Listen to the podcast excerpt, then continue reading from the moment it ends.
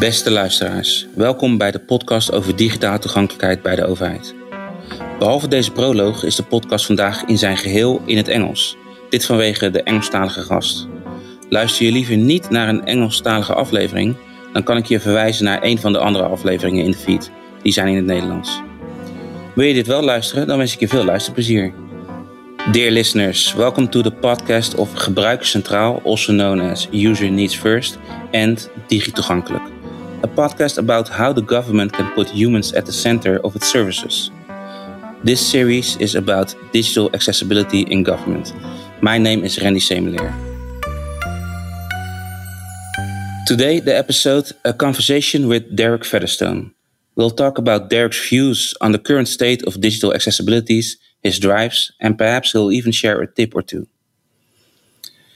My guest today, as you might have guessed, is Derek Featherstone. Derek is a sought after speaker when it comes to topics related to accessibility, though in the early days it didn't seem like it would come to this. Since his early teens, Derek wanted to be a teacher. He taught biology and chemistry for a number of years. Then, in 1999, he shifted his career towards the path he is still currently on, you could say. He founded the company Simply Accessible, a company specialized in a people first approach when it comes to teaching the art of accessibility, as they put it. The company was acquired by Level Access in 2018, and now Derek is their CXO, the Chief Experience Officer, a position I personally would like to see more often among the execs. Besides all this, Derek is also a dad and a Canadian. Welcome, Derek. Thank you so much for having me. It's great to be here.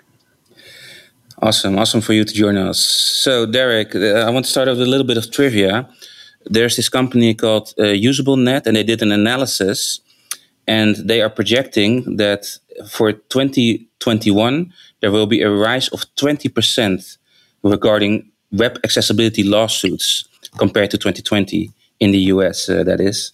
So, when you hear uh, a rise of a percentage in, in uh, web accessibility lawsuits, in your opinion, how important it is to actually have uh, legislation regarding web accessibility?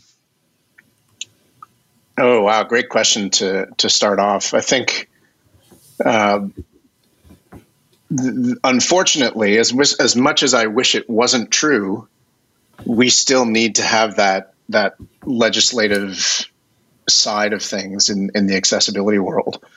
Um, mm-hmm. Not because not because it's the only way that people take action, but it needs to be there to protect the the rights of people with disabilities. Uh, because mm-hmm. I think what a lot of what a lot of organizations have shown over the last year, and, and when I say over the last year, over the last several years, many many years, when I say organizations, I don't just mean companies. I mean governments, companies, any level of organization, mm-hmm. sometimes they need they need that reminder that they're they need to create things that are for everyone. Yes. And people with disabilities are often left out. And so the the legal side of it is there as a a necessary reminder, as a necessary motivator. Uh, even though I envision and hope for a world where people of all kinds create things that are accessible for people with all different types of disabilities it takes a while to get there. And, and we want everybody to do it for the right reasons because it's the right thing to do. But often we need that that legislation there as a as a reminder as a motivator as as something to get the conversation started. Um, mm-hmm. so it, it has an important role to play. Uh, and and will probably always be there. You think so? Always? I, I think they're they're they're. I mean, I can't look too far into the future, but I think for sure. the the future that I foresee, there will always need to be some sort of legal protection for people with disabilities, just like we have protection for people um, you know, that are often excluded for other reasons, whether it's mm-hmm. you know whether it's whether it's it's race or language or age or or whatever it is. Disability is is one of those things that that needs to be uh, needs to be protected in a way because if we don't have that, some organizations just won't care and they won't they won't create things that are for everyone. So, unfortunately, I think there is just this future where there will always be some legal protections that need to be there because there will always be someone that doesn't know that they that they need to act on this that they need to make sure that the things that they're creating are for everyone. Yeah. It's interesting because if you think about it a lot of uh, countries at least uh, um, maybe we should no maybe we shouldn't i'm not sure but a lot of countries at least in the west have a constitution that um, uh, forbids any discrimination and a lot of uh, countries explicitly also include people with disability in that. Still, there is uh, a need for extra legislation when it comes to uh, making sure that digital means are accessible for those people. Yeah, and I think it's I think that is partly due to just the way that most most jurisdictions, whether they be you know countries or or you know parts of countries, states, provinces, whatever there's the legislation that sets like the the high the high level concept right we in mm-hmm. our constitution here in canada you know we have our our charter of human rights and freedoms and and people with disabilities uh, are are included as part of that mm-hmm. but that is such a high level document and such a high level concept that putting it into practice needs some of those other aspects that that legislation and regulation bring. Um, yeah. And and so that's like, how do we put this into practice? What does this mean? How will we enact this uh, in in the country of Canada, for example? So you have we we recently created the Accessible Canada Act here in in Canada, and okay. that's uh, you know a few a couple of years old now, but we're still going through the process of figuring out how will the country govern over this? Right? What are the what are the rules? What are the regulations? How will this be implemented? What are the the timelines for implementing it? So even if we say at a at a high level the Accessible Canada Act exists, it's not something that immediately you know there's there's all the systems in place that we need in order to to make that a reality within within the country. So there's there's kind of different levels of of the legislation or the legal the legal mandate that that help make sure that people with disabilities are are are and that their rights are protected. Yeah, so supplemental legislation and regulation is definitely needed to to help protect those rights. Definitely. Okay, okay. F- thanks, Derek, for that. So I wanted to get uh, into your uh, past and your motivations a little bit. You made a switch from teaching uh, toward your current career path. What made you make uh, that switch? So there's a few things that that go into that, and I like to think of it as this this you know these great coincidences that that all happened at the same time um, I was I was teaching, and in 1999, I I was teaching high school, uh, as you said, biology, chemistry. I was teaching computers as well, mm-hmm. um, and I actually got sick at, at one point, and my my grandmother had passed away, and three mornings later, I woke up and the left side of my face was paralyzed, um, and that was that that shook me to a to a certain extent. It made me question a, a whole lot of things. My first imagine. reaction, my first reaction was, "Oh, I've had a stroke." Um, what does that What does that mean? Turns out it, it wasn't a stroke. Uh, it was something that was probably a little bit related to stress and and some kind of a viral infection or something like that, just based on everything that was happening at yes. the time in my life and uh, you know, with my grandmother passing away, that was sort of the the the last straw, so to speak, and and and it. I was off work, I think, for about three months, and during that time. I you know I I recovered. Uh, but there was there was a whole lot of things that I think made me kind of rethink where where am I going in my career? What am I doing? Um, and and so a lot of things just happened all at once. I was building websites uh, from the mid 1990s when I was in university, mm-hmm. uh, and I was building web based resources. You know, the web was still new, relatively new, and and it was pretty cool. Everybody wanted to to be doing things there, so I had sure. some exposure to to doing things on the web and.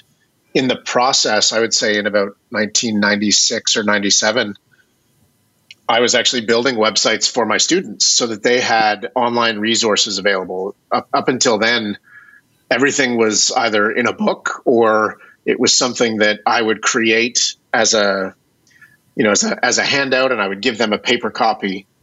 Uh, and it just seemed to me that since most of the students that I was working with at the time were really into and getting connected to the internet, mm-hmm, it mm-hmm. made sense to put you know to put extra resources out there so that I could use that as one of the the, the teaching tools that I had.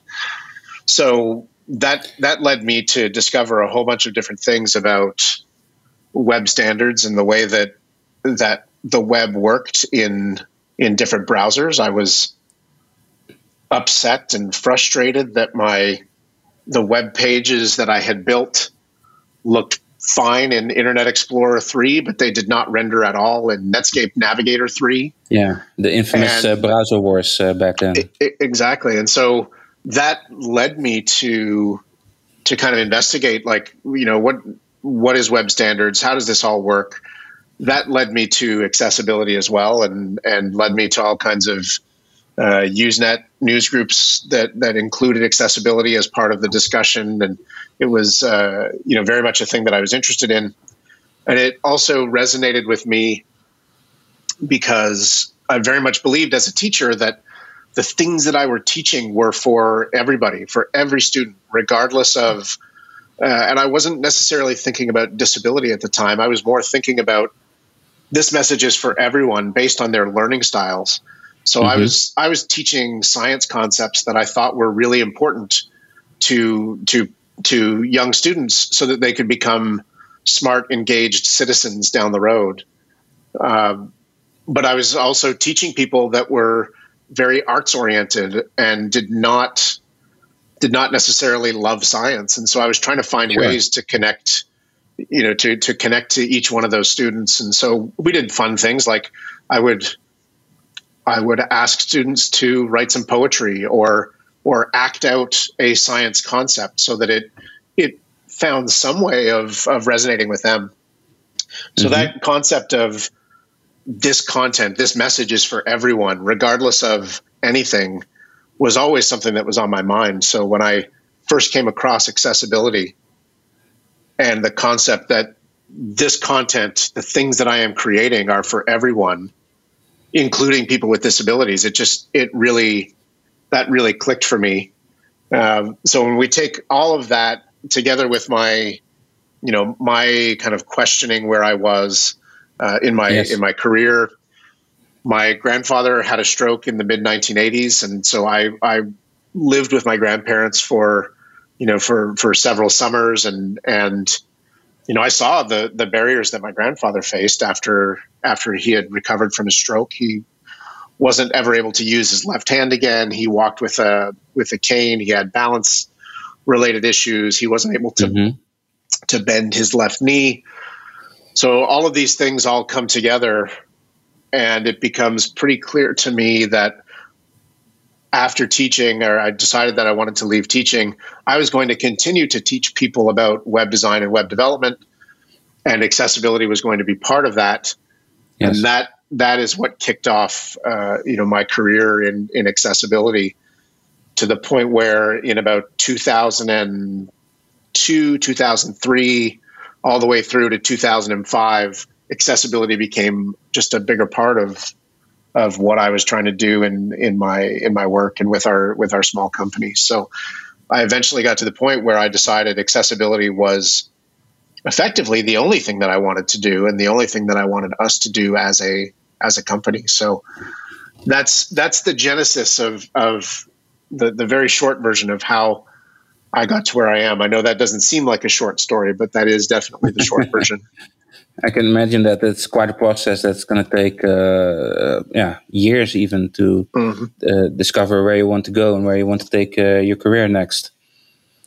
Uh, so it is quite personal for you. It sounds like. It is. It is.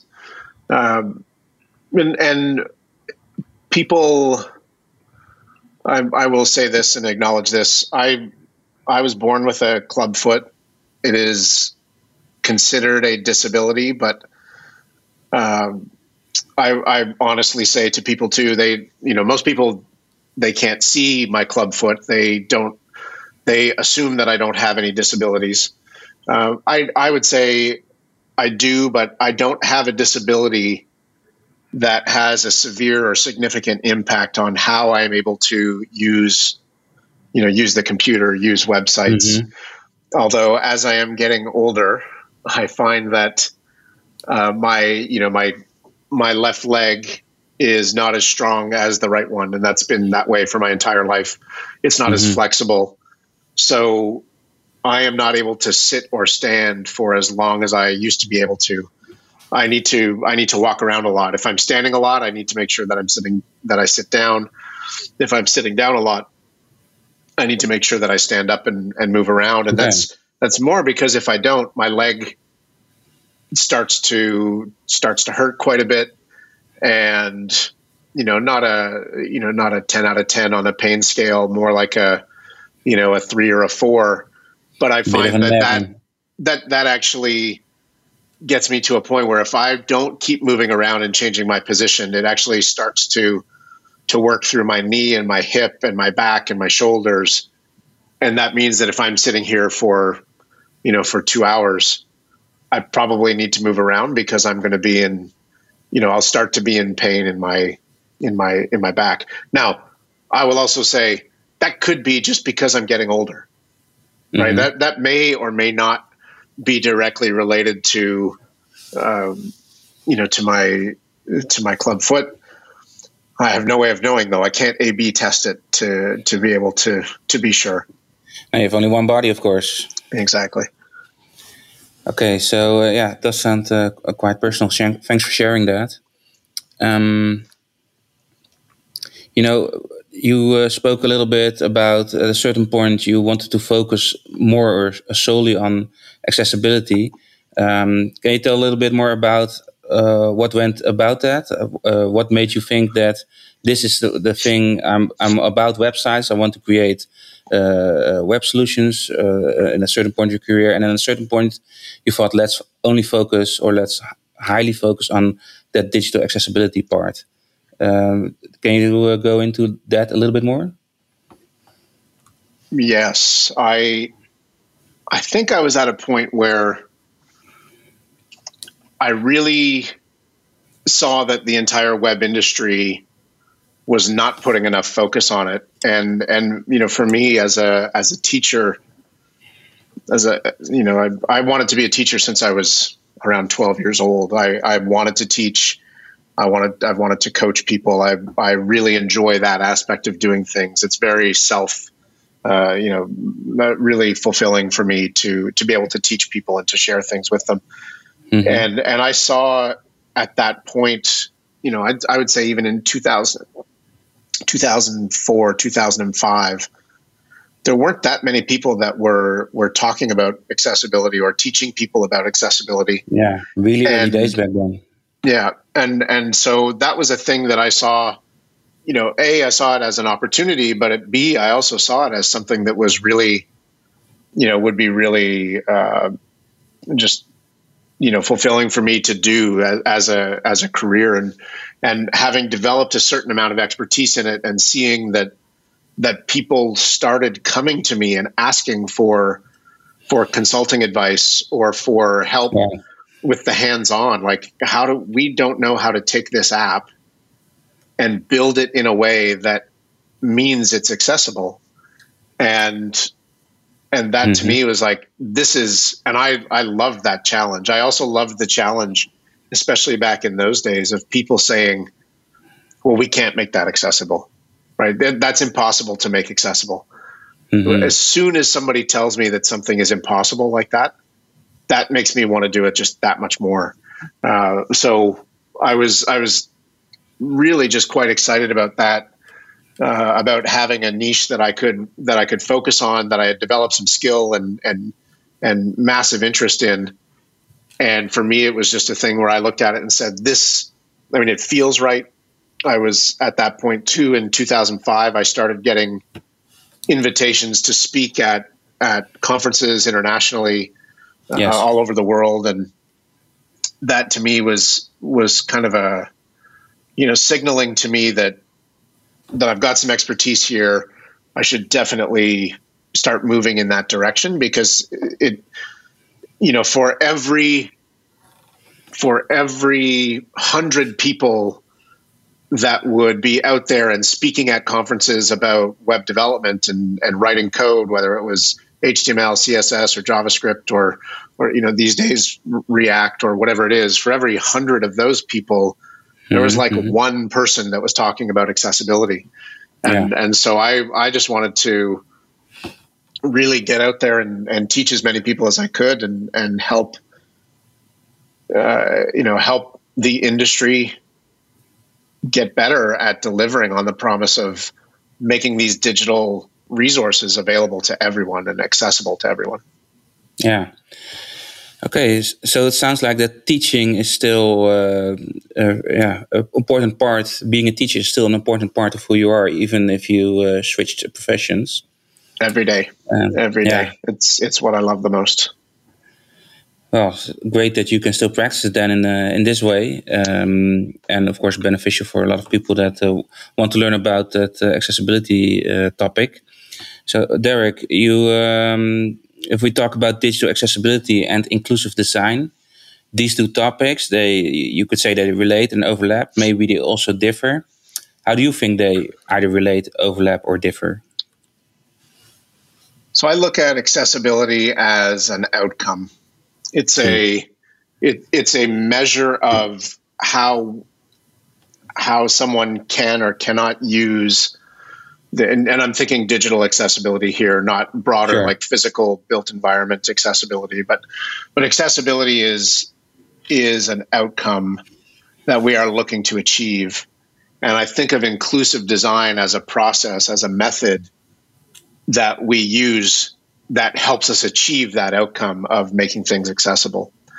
Mm-hmm. Um, the the you know the goal of inclusive design is not just to make accessibility as an outcome happen there's also other goals of, of inclusion and participation and and belonging and other inclusion related goals that practicing inclusive design helps us with.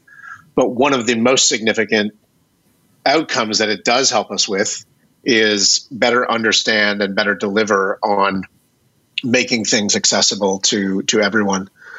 So I, will I'll illustrate with a with an example, and and I've done Please, some work. Ahead. I've done some work with with uh, teams that were working on their you know on their website for a podcast, and they produced a podcast, and I had you know my goal was to to practice inclusive design to help them along the way. Not only did we want it to be accessible, but I I told them from the beginning. I really want to include people with disabilities in this process um, people with disabilities that aren't me, that have different accessibility needs than than I do. That mm-hmm. you know, I wanted to make sure that they were represented in the process, and and the best way to represent them in the process was not me as you know. I've been doing accessibility work for 22 years, but I didn't want to represent them in the work and me be their voice. I wanted their voice to be yes. represented in in the process itself. And so I we engaged with uh, a you know probably a handful of people with different disabilities during that redesign process. And one of the things that we found for the pod it was actually for a podcast and it was really interesting to me. Mm-hmm. On you know the technical side, it's very straightforward to create an accessible website for a podcast. Right? We have mm-hmm. our we have our audio. We know how to make the the web based podcast player, the web based audio player keyboard accessible. We can have okay. all of those, all of the buttons and the controls in there. They're well labeled so that a screen reader user can understand what they are. Mm-hmm, uh, and and we know that we need a transcript that represents the content that's in the audio, right? That's sure the same as we do for this podcast, actually. It, exactly. Um, one of the things that I found out, and and and that can be technically accessible, right? We know exactly how to make that technically accessible, and we can do all of that without talking to or working with people with disabilities. When when we engaged with people with disabilities in the process, one of the one of the people taught me something that, and this lesson will never leave me. This is one of the most important lessons I've ever learned. Uh, this uh, young developer is is hard of hearing, mm. and she and I were were working through, and we were actually doing. I think we might have even done the the the the the session, the research session through Slack so that she could type and that I could type so that it was more accessible and effective for her for communication. Yes. And what I found out from her, what I learned from her was that, and I, I, I pause here because I still shake my head a little bit because it's so obvious when I look back at it now, but I hadn't really considered it until she mm-hmm. expressed this to me. I always looked at the transcript as an alternative version or another version of the audio. And yes. that if you don't have access to the audio, then the you know the the transcript is what you use. And she said to me, she described a few things that she would love to see in the interface. And she said, you know, what I really want from this from this podcast from this design is to be able to use the audio and the transcript at the same time. Mm-hmm. because i'm not completely deaf. I'm i'm hard of hearing. So it's not that everybody is going to use the audio or the transcript. She actually wanted to use them together. Yeah. And and wanted to use them in a way that complemented one another.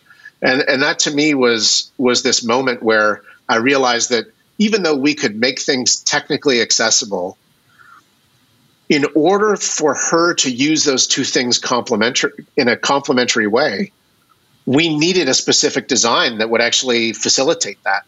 Mm-hmm. So, you know, you you might see things like in with that web-based player as she was scrolling down through the transcript, well, that web based player was in a static spot on the web page, which meant that it was scrolled way off into the distance and she yeah. couldn't get at it. So if she wanted to listen to something again, or to read something again, or to, to match up where she was, that design wouldn't facilitate that, even though the design technically passed every existing checkpoint that we have from an accessibility perspective mm-hmm. it still didn't meet her needs. And, and so that design, we would need to do something with that design in order to facilitate that need for her to use those things independently. One, you know, she could have the transcript open in a separate window, right? That would mm-hmm. allow her to control them, control them independently.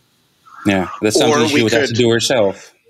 Exactly. Or we could have it so that the the web-based player, as you're scrolling through the transcript, the web-based player follows and is in the left-hand margin of the of the transcript so that you can control those two things independently and that allows you to use them in a complementary way. Yeah. And that for me was was was part of the value of inclusive design. It was something that I learned that I never would have connected in my head and, and I look back now I'm like I understand that intellectually before talking to her, but yeah. I hadn't really connected it that way. And after talking with her and after seeing her, you know, trying to manipulate this interface and talking with her about it, it became so much more clear to me that that inclusive design isn't just about meeting a technical accessibility standard. It's about actually meeting the accessibility needs of of of people that have a whole variety of needs that we haven't really even started to discover fully yet. Mm-hmm. So for me, that that was like the most critical piece was understanding that yes, we created a podcast website that was accessible, but we we needed to go beyond that to make it more inclusive, to make sure that it actually worked really well for people with all different kinds of disabilities. And the only way to get that is by actually including people with disabilities in the process. Definitely. And, and when was it, Derek? Uh, about? Just about? Uh, that was uh, about a year and a half ago, I think. Oh, wow. Okay. Yeah, I'm. So, uh, I'm. Uh, besides hosting this show, I'm also an avid uh, podcast consumer, and I'm just thinking about how many websites I visited about podcasts with podcasts that don't even have a transcript, or if they have, uh, they aren't going to feature any of these features you're talking about now. It's very rare, I think. Um, so still a long, uh, a long road ahead of us in that sense.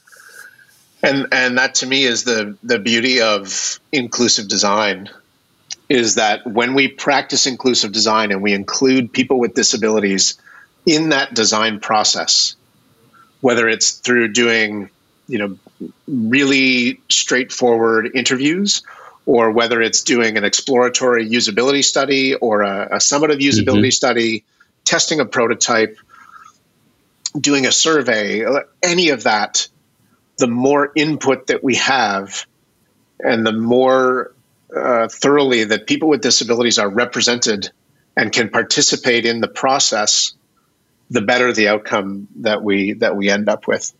Um, and, and that to me is the, yeah. the value, the true value of inclusive design is we actually end up creating designs that are better for everyone.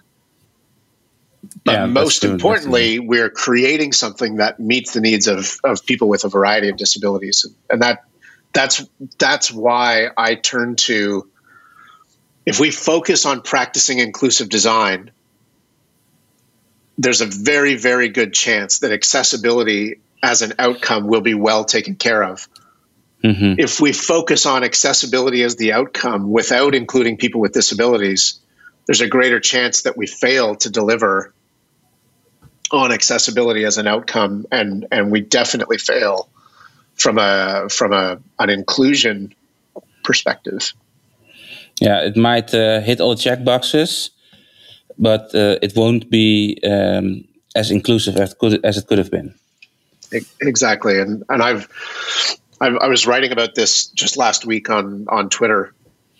I, I, tend to go off on on threads there, and I've been saying this, I think, since 2005. The checklist, the you know compliance, the checklist is the starting point, not the end point. Yes, and and and you know the end point really needs to be about that that greater that greater understanding of of accessibility of accessibility being part of user experience and mm-hmm. not just a, a, compliance item. Yeah, that's something that I really had to learn also earlier in my career. I'm, I'm um, came from uh, doing some usability engineering to be, becoming a UX researcher later on in my career. And earlier in my career, I really saw it as a separate topic that I didn't really want to spend too much time on. I thought it was, uh, you know, I thought it was important. Uh, however, I thought, okay, hit the guidelines and uh, uh, hit the check boxes, and things will be okay. And really took me a while to get that greater understanding, also from talking to people that have those specific disabilities, to hear their perspective and what they sometimes or sometimes daily even have to struggle with to uh, open up my own perspective that it is an important part of the entire experience even yeah, absolutely. I think we all, at some point, we all go on this journey of of growing and understanding, and and you know, when we think of designing a a product or or creating a website or whatever it is, if we're looking at that as like the the checklist is the starting point, not the end point, yeah. that actually speaks to the way that we as individuals learn about accessibility as well. We often learn about it as a as a checklist, as a compliance measure, as a measure of quality, um, mm-hmm. and and here's this list of things that we need to do, and you know the the thing that I love the most about this field is the more that I learn and the more that I know, the more I realize that I don't know, and and and that just kind of keeps me going to to dig in more and to learn more from yeah. people with disabilities about their experiences and and and how the things that we are creating could be you know could be more accessible could be more inclusive for them in that sense, there's some parallels with your uh, previous uh, fields of expertise with uh, within the natural sciences, I suppose. Yeah, absolutely. I, I, I like to think of it as an, an there's a there's a biological concept which which has been maybe debunked a little bit, or and people say it's not exactly true, but conceptually, it it basically says the the development of an individual often mirrors kind of the development of a species overall. Mm. Um, and, and, and so I, I often like to think of that kind of that micro and that macro, uh, you know, those parallels that are there. And again, that from a, you know, biological perspective, some people have actually written against that and said that that's not a thing the way that it was originally conceived of. But, mm-hmm. uh, but I like to think of it from from that perspective because it means that if I think of my own learning on accessibility or another individual's learning on accessibility, that journey of real of realization uh, is quite often going to be very similar to the journey that an organization takes, right? So an yeah. individual's path and the way that they learn and that they they make sense of what they're experiencing often often mirrors and, and parallels the the the growth of an organization um, and the growth of an entire industry. So it, it, there's some really interesting parallels there. Yeah, interesting. Okay, Derek, um, very interesting uh, concept uh, there. Um, I want to move on a little bit and um, ask you. You you have a lot of uh, experience, international experience, also. In your opinion, what are some of the biggest challenges that uh, that digital accessibility has to deal with uh, in these days? Also regarding uh, governments. Mm. In in the broadest sense, I, will speak. You know, not specifically about government to start with. I'll just speak sure. about di digital accessibility more broadly. I, I think the biggest, one of the biggest challenges that that we face with accessibility in the industry in general, not the accessibility industry, the web industry. One of the biggest challenges that we face is is that people underestimate the impact that accessibility barriers have on an individual's day-to-day life. Mm-hmm. They they underestimate that impact significantly because they don't have most people don't have experience that they can that they can relate to. They don't have a disability themselves, or they, you know, when people are younger. I was I was younger. I'm I'm 50 years old now, but when I was 28, 29, 30 years old, I I was at a point where I thought I was maybe, um, you know, to a certain extent, invincible, and and these things wouldn't impact me. Uh, but as sure. I get older, like my my eyesight is not anywhere near as good as it used to be. I, I need to wear glasses. I've got my the fonts all bumped up on my computer at a at a system wide setting. I I regularly command plus and and command minus to to adjust the font size of things for me so that I can mm-hmm. read it more readily depending on the activity. Uh, we we all age into disability, and I think a lot of people just you know don't don't understand that, or they haven't for whatever reason had it impact them or somebody in their lives yet. So they, they don't necessarily recognize that this thing is something that is, um, you know, a, a, big part of, you know, close to a quarter of the world's population. Yeah. Um, so, so I think that's one of the biggest challenges that we face is, is people, they're, they're not aware in the first place. And even if they are aware, they often look at it as, um, a, a, statistic. They they look at accessibility in the web industry and they think, well, how many people is that? and and they they look at it and they say, well, that's that's less than the number of people that are coming to our site using this browser, and we don't care about that browser. So why, you know, why should we care about people with disabilities? Um, and it's it's it's just thinking about the uh, about accessibility in, in kind of in the wrong terms. Um, mm-hmm. When we when we when we are helping someone, we often say, you know, and, and as teachers or as whomever, if I have helped just one person, I've made a difference. Yes, but but we don't we don't give the same weight to creating barriers for just that one person. Mm-hmm. Right? We're we're all very proud. Like I helped this one person. I am therefore a good person. I am proud of what I've done. But if we have barriers for one person, we don't give that one person the same weight because it's it's something that we we kind of face that maybe makes us feel guilty or or whatever it is. So, you know, in my mind, the the digital accessibility industry uh, or digital accessibility within the web industry is a thing that people sometimes aren't even aware of, haven't thought about. I still have conversations with people where they say, "You mean a blind person can use a computer?" and and there wow. that is still wow. such a foreign foreign concept for some reason. So I think that's that's one of the the biggest challenges that we face is that still lots of awareness related issues. I, I, think that's changing. I I see.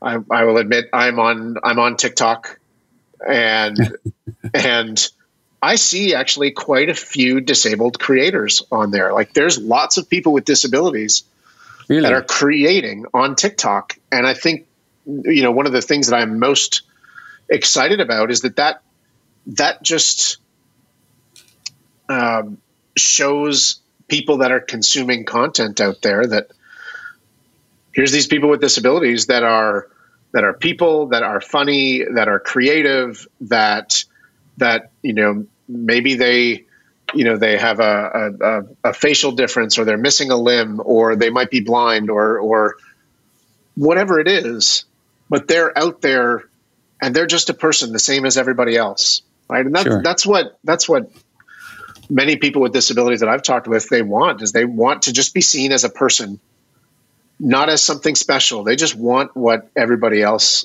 uh, whatever the same kind of treatment as everybody else. So you know, I think awareness awareness continues to grow, but it's sad to say that even here in, in 2021, there's still a, a severe lack of awareness that is that is out there for you know what accessibility is, why it's important, how we should prioritize it. So the lack of awareness, in your opinion, is one of the larger barriers. It is. It is. The other the other one is is a mindset that that a lot of people with you know decision makers in business and in in organizations i've even heard of of scenarios within government where there's pushback about accessibility because the person believes that accessibility is is not a thing that they need to take into account in that particular situation because it doesn't impact anybody well that's an internal tool and mm. and it's not facing the public therefore it doesn't need to be accessible the the the reality is that that's changing over time and, and people i mean we should have always had accessible tools within internal tools but when mm-hmm. you think about about opportunities and and and the ability for a person with a disability to move up to a manager's position or to a manager of managers or a director are the tools that the company has chosen or that the organization has chosen at a you know at a at a kind of a system wide level are those tools accessible? Yeah. Can could somebody with a disability have that director's job? Could they be the the you know the senior minister in in a government department based on the tools that those people need to use? Are the are they you know, is there a barrier there just because of the tools that the government has procured? And, and those are some, um, yeah. Go ahead. No, I was going to say that like those are the questions that people need to start asking a little bit more. You know, yeah. is, is can people with disabilities be part of the team? Can they can they be on a career path like everybody else is? Or are they in a position where they got hired at this level and they are at that level forever, not because of their ability, not because of their their intelligence or their skills, but because they can't move up to a higher job simply because the the tools that are used in that job are not accessible. Yeah, it's a bit of a chicken and egg uh, story. Also, if if if you could say we don't need need to make that internal tool accessible because uh, we don't have anyone with a disability, but are you going to hire someone with a disability if you know that you they probably can't work with your tools? And if someone does move up or becomes uh, uh, uh and come, uh, gets a high position within a company, they probably will uh, get those tools because he will make he or she will make a fuss about it. rightly so. However, it's it's a shame that that it needs to come to that before a company is going to think about their internal tooling to become more accessible. Yeah, and, th- and this this speaks to the the broader issues that that many organizations face, which is how do they embrace, how do they embody, how do they value diversity, equity, and inclusion? Yeah. If definitely. they, if you know, it, it always connects to that at a at a higher level, and the actions that they take and the systems that they put in place need to be aligned with their beliefs and their values on diversity, equity, and inclusion. Um, you know, and, and and maybe you know maybe that's the problem is that that people don't believe that diversity, equity, and inclusion are important. Well, it's one thing to put it on your website that you think it's important, but it's another thing to take the action, of course. It, it's it's the action, and and you know, to me, it's it's like, are we living out the values that we say we have? We say that it's mm. important to us, but you know, and it's it's more than it's more than taking action because I can take all kinds of action and have it be the wrong action. It's that pure alignment between we say this, do we live it? Do we live it? We say that all citizens should have access to this, regardless of their ability or disability. Mm-hmm. Do we mm-hmm. live that? Do we live that in the day to day work, in the systems that we put in place, in the software that we procure, in the services that we that we that we hire, do we live it? Do we live it? Yeah. Yeah, yeah, that's a good point, uh, Derek. So we spoke uh, uh, uh, quite a bit about the barriers. If we talk about the drivers of accessibility, we, earlier in the conversation we spoke about legislation, an, uh, an important driver probably. Um, any other drivers you care to uh, to mention to emphasize here? Yeah, this is this is actually my favorite one. Um, you know the the driver we we kind of talked to this about a little bit about this in terms of just the the last the last little bit about diversity equity and inclusion. Like that that sure. for many organizations is a driver. The the one that that i think that gets left out an awful lot that should should be a driver for everyone. If you know we talk about create we want to create great experiences for for people. If we're a government department we we want to create um, great interactions that are that are seamless that feel not like a you know massive bureaucracy. They feel easy to use. I can achieve the goals that i need to uh, you know that i'm that i'm trying to achieve. One of the the things that i think people miss on when they're not practicing inclusive design is there is so much opportunity for innovation and creativity that that ultimately make that service, that product, that whatever it is better, not just wow, for people with yeah. disabilities, but for everyone else. The, the the opportunity for innovation that is there.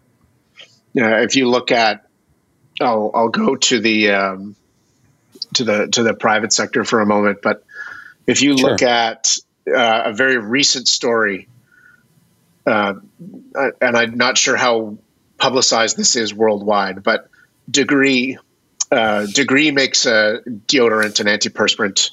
Um, that's a you know pretty. I think it's a worldwide brand, but I'm not sure where they are where where they are, but they they make a, a an, an antiperspirant and deodorant, and they recently Sure. created something called Degree Inclusive, and they designed a container for the deodorant. Uh, and I, I would encourage everybody that's that's listening on the podcast to just go and, and check that out. Degree Inclusive, and we can include it in the show notes. Uh, also, Perfect. I'll look it up. Perfect. They they went through a process where they consulted with and worked with many people with disabilities that want to be active, but maybe sometimes again it's, it's weird to talk about this, but they they maybe don't have the confidence to work out or to be active and fit because for whatever reason they may not be able to to to use deodorant. And so they're not as active and healthy and fit as they as they could be. Um, and, Oh. and this this came across my kind of came across my desk because I'm always looking for these these companies that are innovating, and so they created a a, a container that is easy to use by someone that has um, you know the use of only one hand or maybe no hands. Um, and and they made it so that it was easy to use for somebody that can't see. They made it so and so the getting the lid on and off is just as one example. They they have little magnetic uh, closures on the lid so that it's easy to automatically align. You don't have to get it exactly where it is. It will kind of snap into place. So Yeah. it's easy to close. It's easy to open.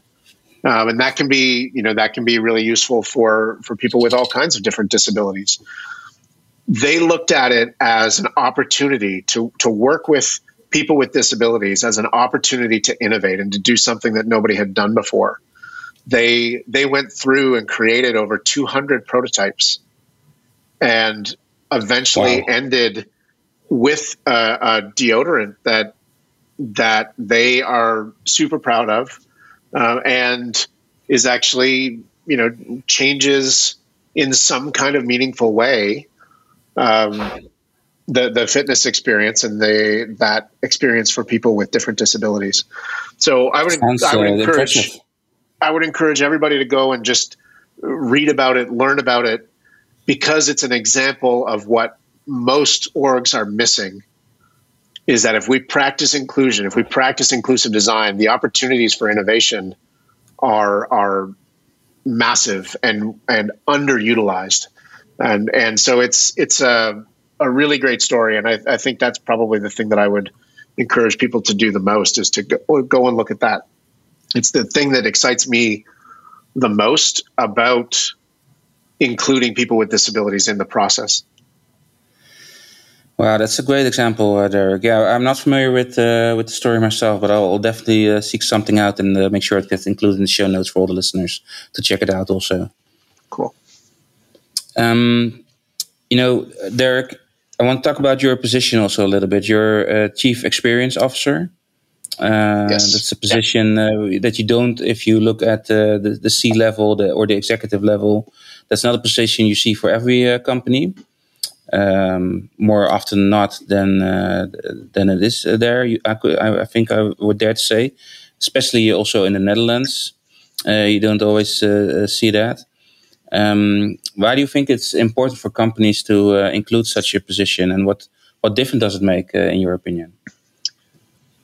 Yeah, I'll I'll give you two answers. I think the first answer is, you know, I I I specifically chose that title because I wanted to send a message to our own company, but also to all the companies and organizations that we work with that accessibility needs to be part of user experience. That it is not Mhm. something that is just about quality assurance testing and it's not just part of IT or or the development side of things. It's actually part of Mhm. user experience. At least part of it needs to be. So part of my choosing that title was that that that's a message that I think is really important for everybody to hear. The the in, in the broader context, having a chief experience officer at an organization, whether it's a whether it's a company or you know what, whatever it is, that connection to people that are actually using the things that we are creating mm-hmm. is uh, it's it's really important to have that mindset. And so, if accessibility and customer experience rolls up underneath a, a chief experience officer, mm-hmm. that that is basically a way for a company to say we believe in the in ensuring that we are putting people first in this, that we are putting the user first, and that their experiences actually matter. That this is not just a, a technology company. This is a company that values experience, that values user experience, customer experience, client experience, whatever it is. And and that to me is is probably one of the most important reasons to include it uh, at at the executive level. It's somebody that is diligently, constantly advocating for the customer or for yes, the person that is is consuming what we're creating. Mm, and do you think the fact that you came from your um, background with, with with your reputation, choosing that title of CXO, um, that, that, that adds that usability, no, um, I should say usability, that accessibility flair to the CXO position? I, I hope so. I mean, that's that was the intent, and that's my my hope that it that it inspires other people to, or or doesn't inspire them, but but forces them to think about where accessibility should live within the organization. Right. That that there does need to be that that mindset that this should be part of experience mm-hmm. uh, overall. So so for another organization who perhaps, uh, if they uh, want to hire or, or select a CXO, uh, it could be someone that doesn't have that extensive experience in accessibility. Um, how about a separate chief accessibility officer? Is that something that you think uh, could be needed in some places? Yeah, and we we actually have a chief accessibility officer at Level Access, and there are lots mm. of organizations out there that are at the point where they they have senior level leadership at the C level uh, executive suite that that include a chief accessibility officer, uh, and, and so that you know that that to me is is somebody that you partner with. So a, a, chief experience officer would partner with the chief accessibility officer, where the accessibility the the chief accessibility officer might be in charge of and ultimately um, in, in charge of the the compliance aspect of accessibility mm-hmm. and the execution of it and that that the you know how do we do the work? How do we do accessibility work at this organization?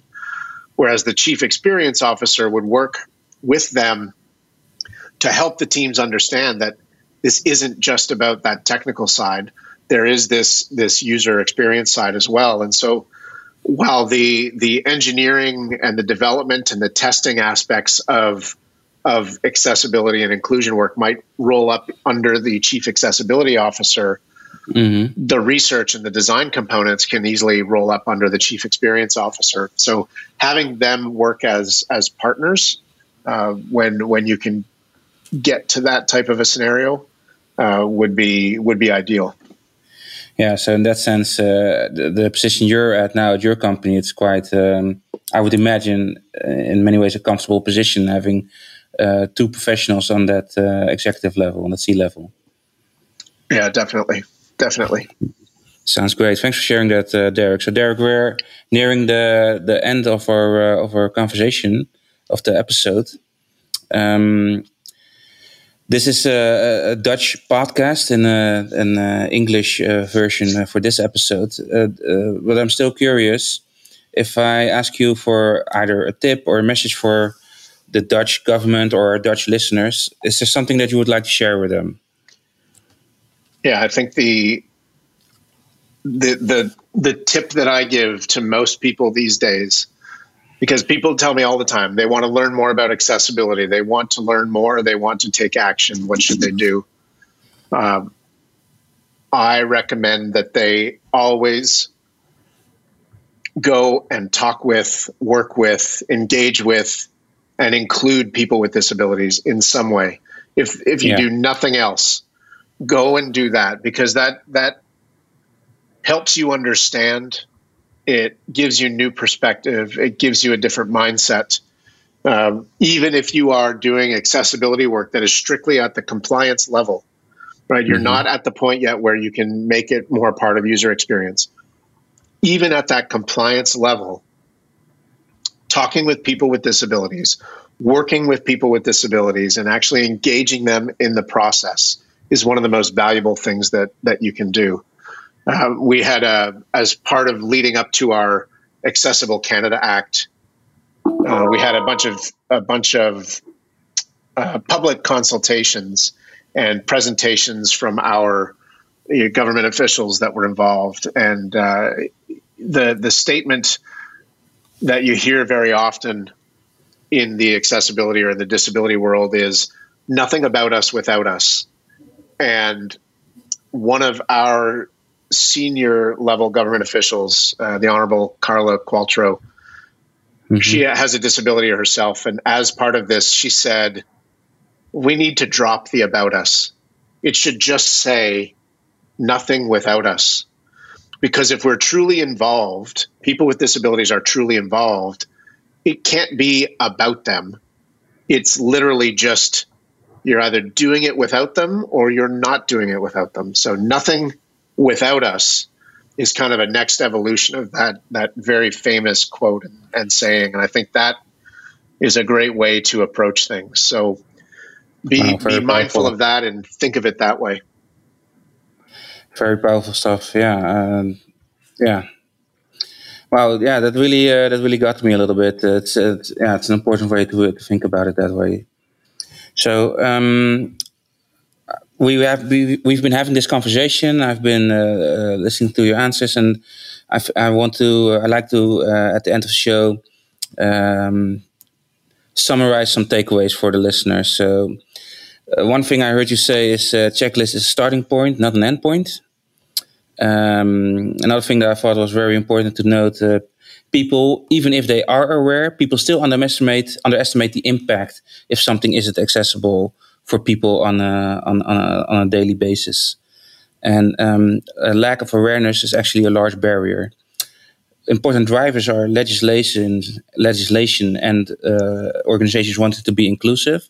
But one that, according to you, is overlooked is actually the the innovation and creativity that can come from uh, making things accessible, making uh, services digital accessible, but also making products, uh, physical products accessible. And even if something is accessible according to the according to the guidelines, it still might not meet the all the needs of someone with a, a, disability, and that's why it's so important to include people with disabilities. And yeah, the tip uh, we just ended on work with, talk with, engage with people with disabilities, no matter what level you are at. Um, even if you if that's the only thing you can do, just do that then. And to end on uh, the evolution from nothing about us without us to just without us um, is something important to to mention again. I think. So, um, Derek, this includes uh, uh, our conversation. This includes my conversation with Derek Featherstone, the Chief Experience Officer at Level Access. Derek, is there something you would like to uh, plug that you would like to uh, uh, forward our listeners to? Yeah, just uh, encourage you if you if you've enjoyed this and and want to talk more uh, or or follow along with the things that I'm writing and thinking, uh, you can catch me mostly on on LinkedIn and Twitter. So I am at Feather on Twitter I am Derek Featherstone on LinkedIn. Uh, I write lots of things there and and share uh, share things pretty regularly. So would would love to connect with you there. And uh, yeah, just that's that is the literally the best place to to find me is is both on Twitter and LinkedIn. Yeah, I'll make sure those also get in the show notes so people can just uh, tap or click along. Excellent. Derek, I would like to uh, offer my sincere thanks for your time and insight and uh, expertise. Uh, thanks a lot. And thank you for having me. This has been a lot of fun and uh, love love sharing, love teaching. So great to have another opportunity. Thank you. That's it for this episode. Thank you for listening. Are you interested in more interesting conversations like this one? Subscribe to this podcast through Spotify, Apple Podcasts, Google Podcasts, or in your podcast app of choice. If you subscribe, it'll be easy to listen to a new episode. It's also very helpful if you leave a review on your favorite podcast platform. Does this episode contain something important for your organization? Share this episode with your colleague, manager, or product owner. Do you want to learn more about digital accessibility? Visit gebruikerscentraal.nl slash about-us or digitoegankelijk.nl. You can also find these links in the show notes. For international listeners, most of the content in this podcast feed and on these websites are in Dutch, though Gebruikerscentraal, aka User Needs First, often invites international speakers, thus, they have quite a bit of content in English on their website. Dear listeners, in these times when there is so much going on, I sometimes feel like I cannot have an effect on anything. During these moments, I like to remember myself what the 13th century Persian philosopher and poet Muhammad Jalal al-Din Balkhi Rumi has written. Yesterday, I was clever, so I wanted to change the world. Today, I am wise, so I'm changing myself. Dear listeners, until the next one.